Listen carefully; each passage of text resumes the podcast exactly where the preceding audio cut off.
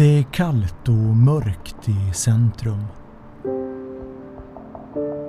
Det är februari och isen ligger som fastnaglad i asfalten. Stockholm sover. Förutom en person. Hon har brunt hår, mörka ögon och ser snäll ut.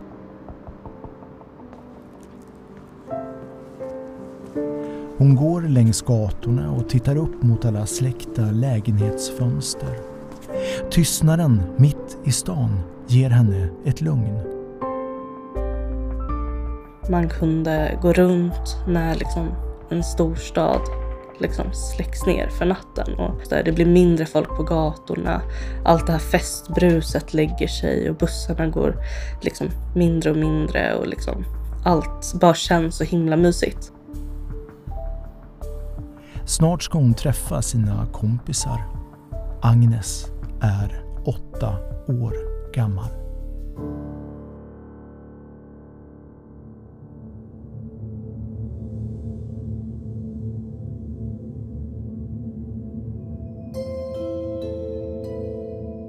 SOS Barnbyar presenterar dokumentärserien På egna ben. En podd om gripande livsöden om barn som förväntas klara ett vuxet liv och om när samhällsansvaret brister. Att som ung vuxen leva i samhällsvård innebär att man tillhör en av de mest utsatta grupperna i Sverige. Var brister samhället? Vad borde ansvariga myndigheter göra? Och vad har SOS Barnbyar för roll?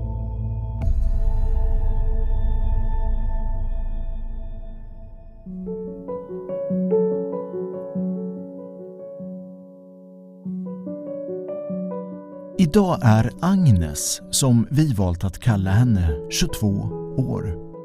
Hon bor i en egen lägenhet i södra Stockholm men det finns mycket i hennes bagage som gör att hon skiljer sig från majoriteten av unga vuxna. En livshistoria fylld med bland annat en dysfunktionell familjerelation, tröstlösa rop på hjälp, sexuella övergrepp, självmordsförsök och diagnoser.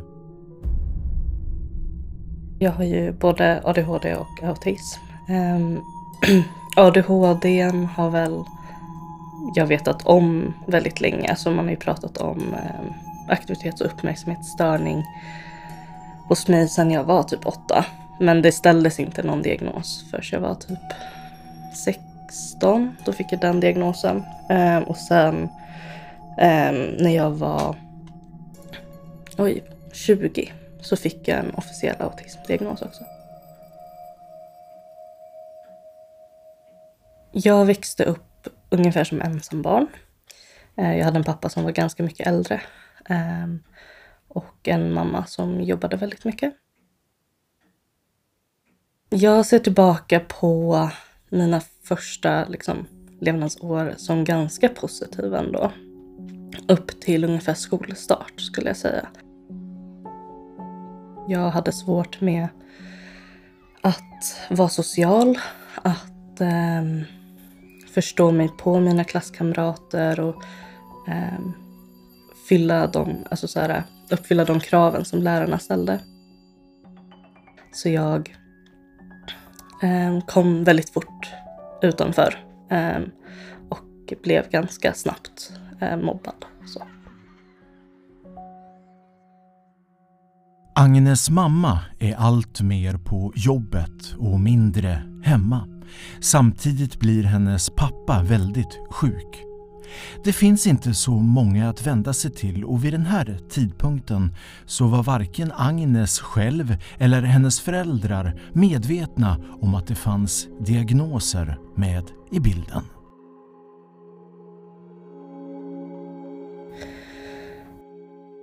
Jag eh hade viss, eller har vissa diagnoser som vi inte visste om då. Så att mina föräldrar sa aldrig till mig egentligen för att om de gjorde det så blev jag explosiv och då blev det bara dålig stämning hemma. Utan jag höll mig borta från dem och de höll sig borta från mig. Med en nästintill obefintlig relation till sina föräldrar söker sig Agnes till något annat. Åt ett annat håll. Hon kände sig ensam och att åka in till Stockholms city på kvällar och nätter blev hennes lösning.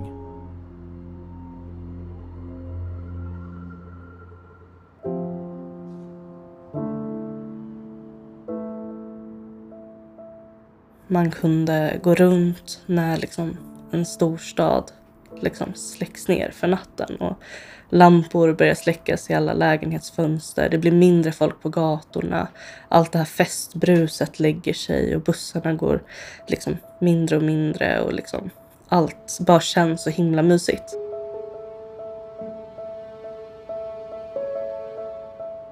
När jag var runt åtta så var det då jag började åka in till stan på nätterna.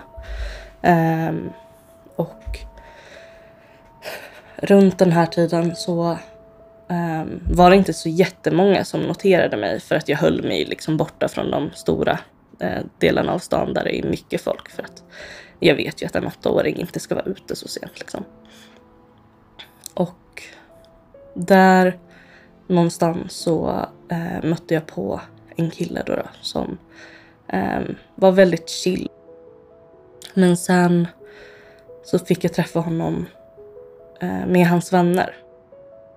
Och då var det början på eh, det här gänget, eller kompisgänget som jag hade, som jag träffade. Men de här personerna var ju liksom 16 till 20 år gamla och jag var liksom 8, 9, 10. Men det som började med ett mysigt stadsliv och äntligen kompisar som verkar bry sig så förändras allt ganska fort till en mardröm. De utsatte mig för sexuella övergrepp eh, och utnyttjade mig. Ehm, tekniskt sett så hade de liksom groomat mig från att jag var åtta. Ehm, och sen var, fanns det även liksom fester där vi träffade andra eh, av deras vänner. Och sen drack de och liksom vi spelade tv-spel och så. Men de festerna hade ett ganska stort syfte med dem var att de här eh, vännerna som inte, jag, som inte ingick i den här eh, vänkretsen som jag träffade varje natt i princip, eh, eller många gånger i veckan i alla fall, eh, att de också fick liksom eh, hålla på sexuellt med mig. Och de träffade jag eh, fram tills att jag var 14. Där och då, i den bästa av världar och när Agnes liv redan innan tonåren var på väg åt helt fel håll kan det tyckas att hon borde fångats upp mer av socialtjänsten.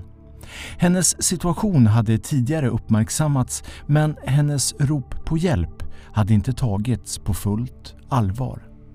Flera gånger tidigare har hon försökt att få hjälp och berättat för vuxna om sin situation, men utan resultat. Jag visade ju väldigt mycket tecken på att jag inte hade det bra. Jag sov, alltså om jag var i skolan så sov jag ju på bänken. För jag hade ju varit uppe hela natten i princip. Jag ljög inte så himla mycket som barn. Utan om någon hade frågat mig ganska öppet var jag var så tror jag att jag hade liksom sagt att jag var inne på stan. Um, och så jag visste ju från um, de här killarna att jag inte fick säga om dem. Men eh, jag hade i alla fall berättat om stan och då hade man kunnat förhindra det. Vilket i sin tur hade förhindrat att jag träffade dem. Med.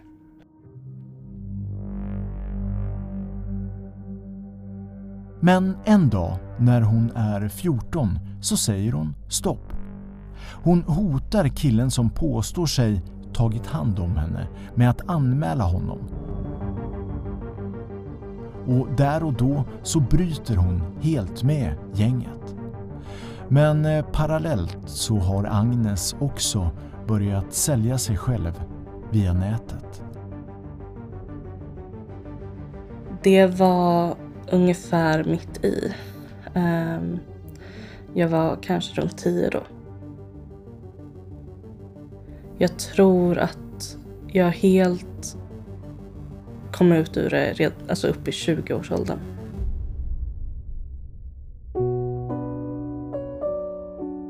Det är svårt att eh, ta in. Agnes är alltså redan som tioåring fast i prostitution. Samtidigt så växer hon upp till tonåring och med det kommer en skolgång att axla. När gymnasiet började närma sig så var jag väldigt stressad. Eh, för jag hade ju som sagt haft ungefär 80 procents frånvaro genom allt. Så att ehm, i nian så fick jag liksom ändra på det. För jag ville ju komma in på ett gymnasium. Och samtidigt den perioden i nian så gick min pappa bort. Eh, samtidigt som jag då var i sista året av grundskolan Eh, och behövde höja min närvaro. Det var en väldigt, väldigt ensam period, väldigt stressig period. Och sen upp i gymnasiet så blev det lite för mycket. Det brast ju liksom för att jag emotionellt inte längre orkade. Jag hade ju levt hela min uppväxt i skuggorna och hade kämpat för mig själv.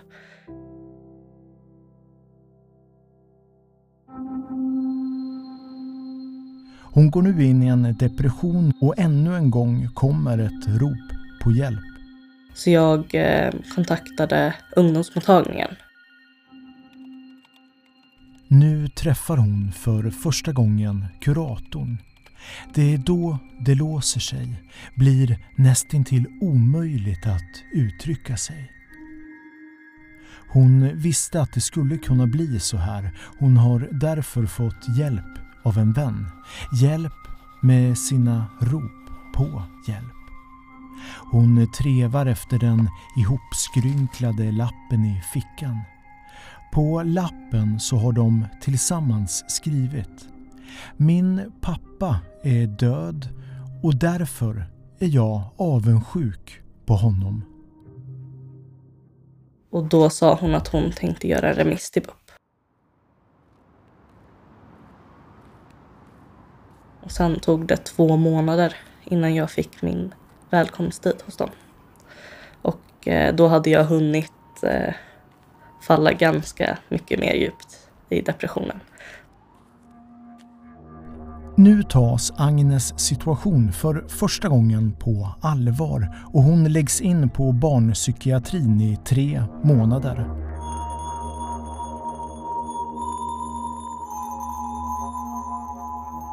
Först var det bara BUP som liksom kliade sig på huvudet och undrade varför jag var där. Ehm, för man hade liksom inte fått någon information om mig från liksom mitt liv innan. Ehm, och jag gav inte så mycket information vid det här laget heller. Och sen försökte man ändå liksom att jag skulle få åka hem igen. Ehm, för jag, det var ju bara att jag hade en depression. Men problemet var att jag kände ju inte min mamma. Um, och jag sa ju det till dem att hon var som en främling.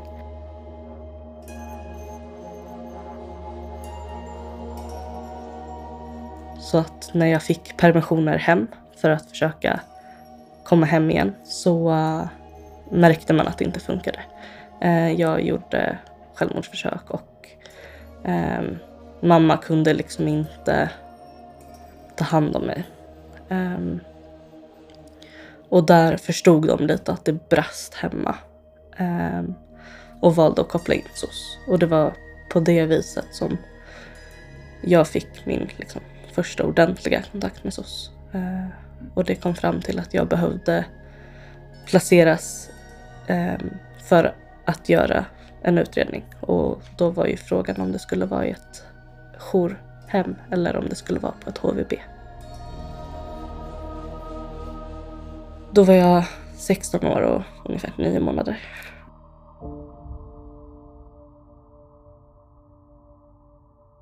Hon flyttar snart från den slutenvårdsavdelning hon lagts in på till ett jourhem. Under tiden ska SOS utreda vad för insatser de ska ge Agnes. Och det är nu man kan skönja en liten ljuspunkt i Agnes liv för första gången sedan hon var ett litet barn. Jourhemmet hon är hos visar sig vara en bra plats och ett bra beslut att just den familjen ska bli Agnes stöd. Jag ser på min placering med kärlek, med sorg med stress. Kärlek i att jag äntligen fick känna mig älskad. Att jag äntligen fick känna mig trygg och börja ta igen sånt som jag saknade. Men sorg för att det blev som facit på hur dåligt jag hade haft det innan. Och stress över att jag hade liksom fyra år på mig och ta igen de 17 åren som jag inte hade det stödet och den hjälpen.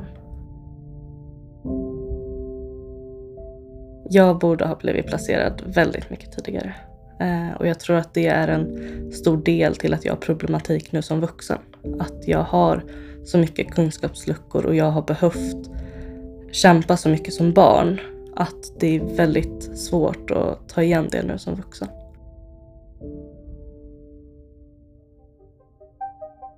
Agnes återkommer ofta till att prata om vad hon kallar kunskapsluckor. Det handlar om allt från att hon har problem med att sköta sin egen hygien till sociala koder som blir svåra att förstå sig på. Och det grundar sig väl i att jag inte riktigt hade tid att eh, lära mig allt det som alla barn, alla andra barn hade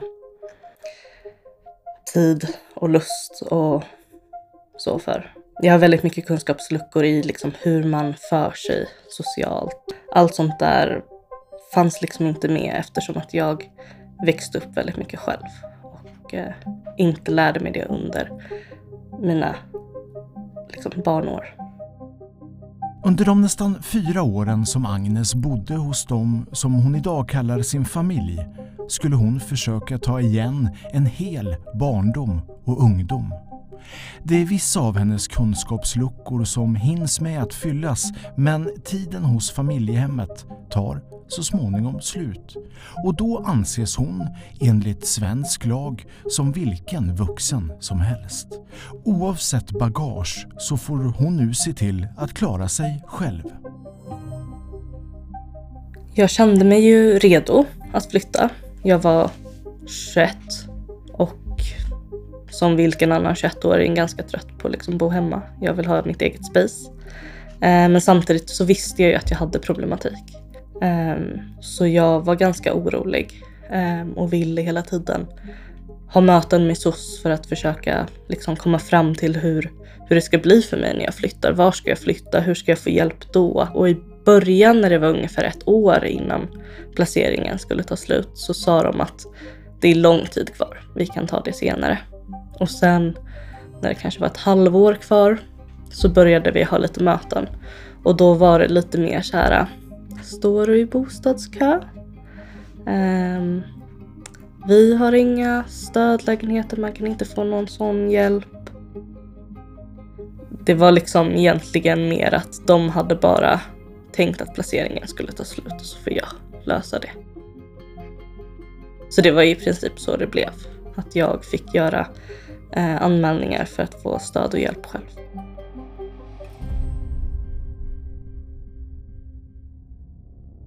Med ena foten påtvingad ut i vuxenlivet där hon förväntas klara sig på egna ben och den andra foten kvar i en värld där hon äntligen börjar få hjälp och lära sig hur man kan leva ett normalt liv. Ja, då smyger sig paniken på för Agnes.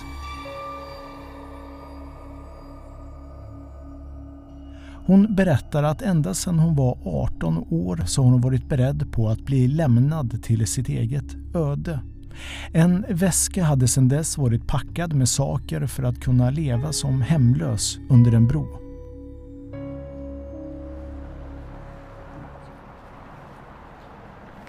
Det började ju med survival-kittet som jag fixade ihop under några månader liksom. Och sen så blev det ju den här bro-touren som jag nu kallar det för.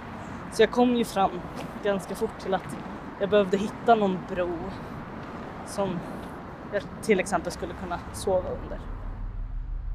Bara några hundra meter från där vi träffar Agnes för att göra intervjun ligger en av alla hundratals brofästen som hon besökt. För att förbereda sig på det värsta och för att hitta den bro som skulle lämpa sig bäst att bo under när samhället skulle svika henne för gott. Eh, den här bron vi är under idag är ganska bra för den är ganska bred och har lite nästan som så kurvad form så att när regnet åker åt sidorna så känns det som att det kommer liksom fångas upp av det. Så det kommer jag ihåg att jag gillade när jag var här sist. Sen så tycker jag ju om att det finns inga stigar precis här. Men som man kanske hör så är det ju en bilväg inte så himla långt härifrån. Eh, så det är väl nackdelen som jag hittade att det är nära en bilväg. Så det är ju på ett sätt nära folk.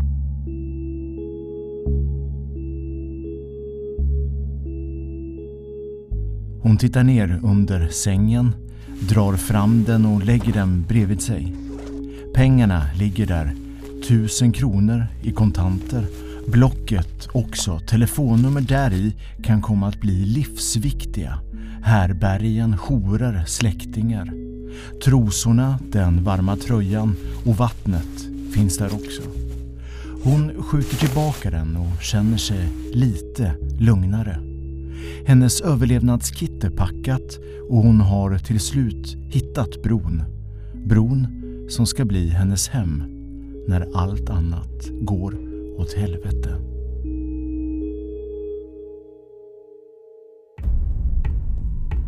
Hon behövde aldrig sova under en bro, även om hon både praktiskt och mentalt var förberedd på det värsta. Men när allt kommer omkring så börjar det ändå bli dags för Agnes att lämna sitt boende, tvingad att klara sig själv. Och paniken börjar återkomma ju närmare den dagen hon kommer. Jag var väldigt nervös. Jag behövde ju stöd fortfarande i slutet där hos mitt familjehem. Det var inte så att jag liksom klarade mig själv i mitt familjehem utan de hjälpte mig. Och då var det så här, okej, okay, nu kommer jag inte ha dem där alls. Um, och ska klara det här. Uh, något som jag har övat de senaste fyra åren på. Vissa saker som jag vet att jag har blivit bättre på. Men som jag också vet att utan stöd och hjälp så kommer det bli lika dåligt som innan igen. Helt på egen hand lyckas hon ändå skaffa sig en ungdomslägenhet och till slut kan hon släppa tanken på att behöva bo under en bro.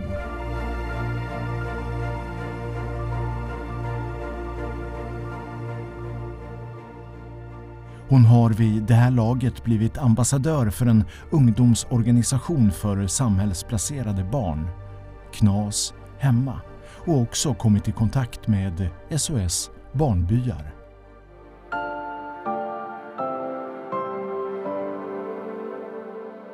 Eh, så jag kom som ambassadör och skulle sitta i en referensgrupp för det här eh, eftervårdsprogrammet som skulle startas vi träffades flera gånger liksom.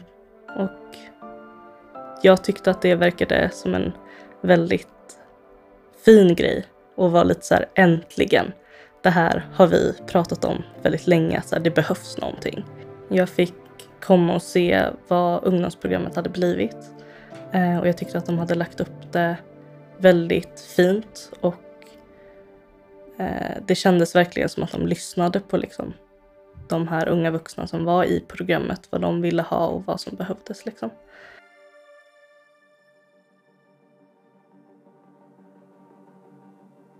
Agnes har en klar bild framför sig vad det var som gick fel för henne och på så sätt en lika tydlig idé om vad som behöver ändras för att unga vuxna med ett bagage likt hennes inte ska råka illa ut. Jag hade önskat att det fanns lite mera klara riktlinjer för hur man ska agera när ett barn lämnar samhällsvård. För bara den anledningen att skapa trygghet hos barnet eller den nyblivna vuxna. Liksom. Ehm, att man under sin placering kan veta med säkerhet att jag kommer få stöd och hjälp när jag flyttar hemifrån. Så att man inte behöver tänka på det ens under sin placering. För det är det jag har fått göra jättemycket. Så jag önskar absolut att det ska finnas. Um, och att man ska ha en dialog långt innan man ens närmar sig sin, att liksom placeringen ska avslutas om vad det kommer innebära, vad för stöd och hjälp man kan få. Um, så att man känner sig trygg. Så att det börjar liksom rulla på redan innan.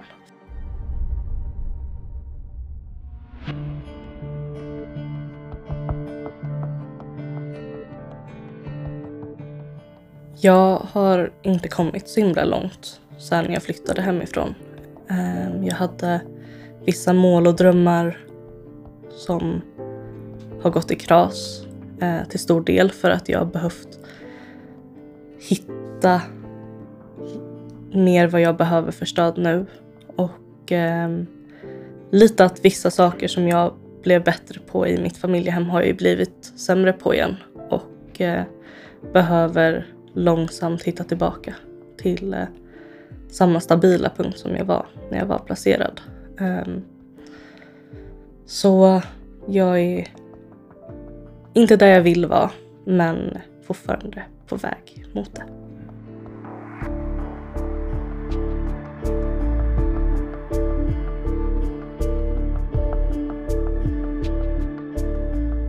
Hon är inte åtta år längre.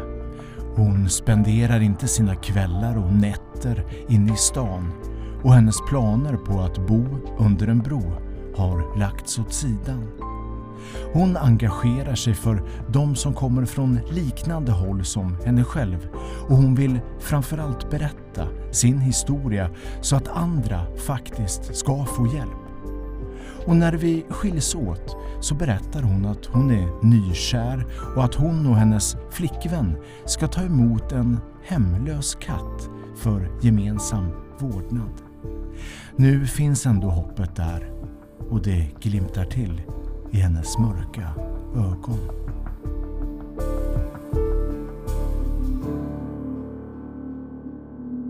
Dokumentärserien På egna ben produceras av produktionsbolaget Pannrummet för SOS Barnbyar. Redaktionen består av Peter Sinsik, Melker Becker och Christian Jermik Låke. Om du som lyssnat på det här avsnittet är eller varit placerad och känner att du behöver råd och stöd, kontakta SOS Barnbyar. På SOS Barnbyars hemsida sos-barnbyar.se hittar du information om organisationens arbete i Sverige och utomlands och hur du kan göra om du vill stötta arbetet.